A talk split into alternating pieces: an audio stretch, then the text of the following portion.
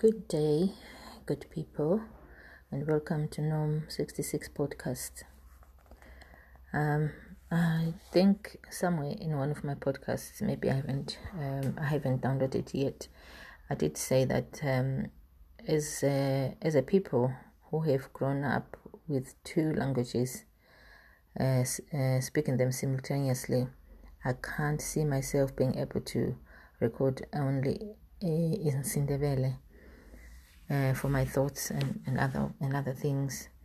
So today, my podcast is on bilingualism. Bilingualism is the ability to speak two languages fluently. Multilingualism is the ability to speak more than two languages fluently. I'm not quoting any statistics because I'm merely looking at popularity of languages and to find out where my language of Sindebele is in this broad broad spectrum which I found quite quite daunting to navigate.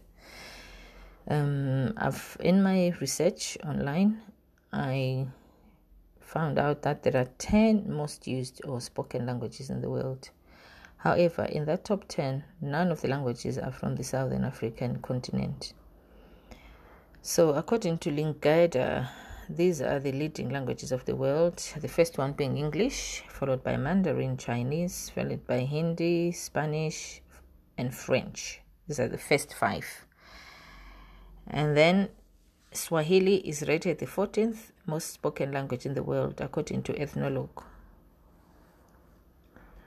For Africa, is is Swahili now it becomes the first most spoken language, followed by Amharic, Yoruba, Oromo, Hausa, Igbo, Zulu, Shona, and Arabic.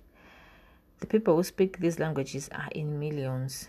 That's why I didn't even want to say the numbers, so that was I'll end up, you know, biting my tongue.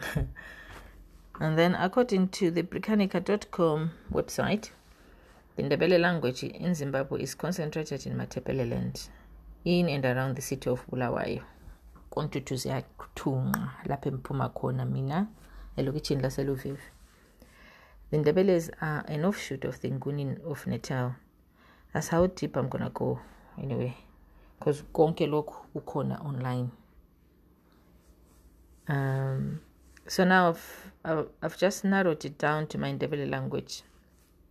Its number of speakers is very minute in comparison to the global statistics of the popularity yet from this obscure language i've become it has helped shaped me sharpened my intelligence and gave me an identity I grew up speaking Ndebele alongside English.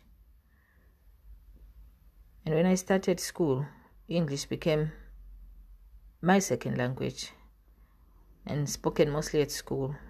Back home, it's back to Sindebele. So it's easier for most of us Ndebele speaking people to mix both Ndebele and English into a way of communicating with one another.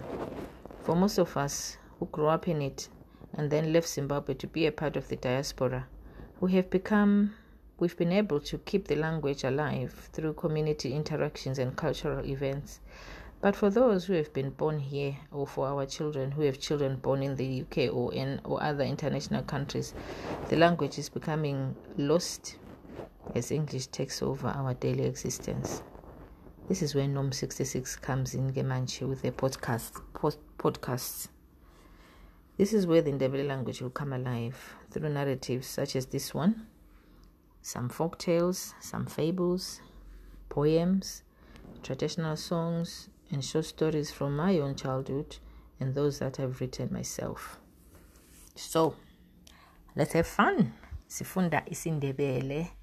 Lungabe lululwimi olungandanga kakhulu emhlabeni kodwa lusiphe isithunzi lisiphe i-identity lusiphe that exclusiveness you know. It's nice ukuthi ukhuluma laphana kungabi labanye abakuzwayo ukuthi uthini balibone selihleka likholisa ngoba likhulume ulimi lwenu that people can't be private to. So that's an awesome awesome thing that we should be proud of. Ulimi lwethu lwesindebele masiluphakamise masilusebenzise uh, in the same breath as we use english because indlela esakhula ngayo. Sakhula sikhuluma isindebele safunda isikhiwa. Sinxa sikhuluma kuyingqabanqoza nje kodwa siyazwana. Siyazwana kube mnandi kube njeya so let's keep our language alive. Thanks bantu abahle.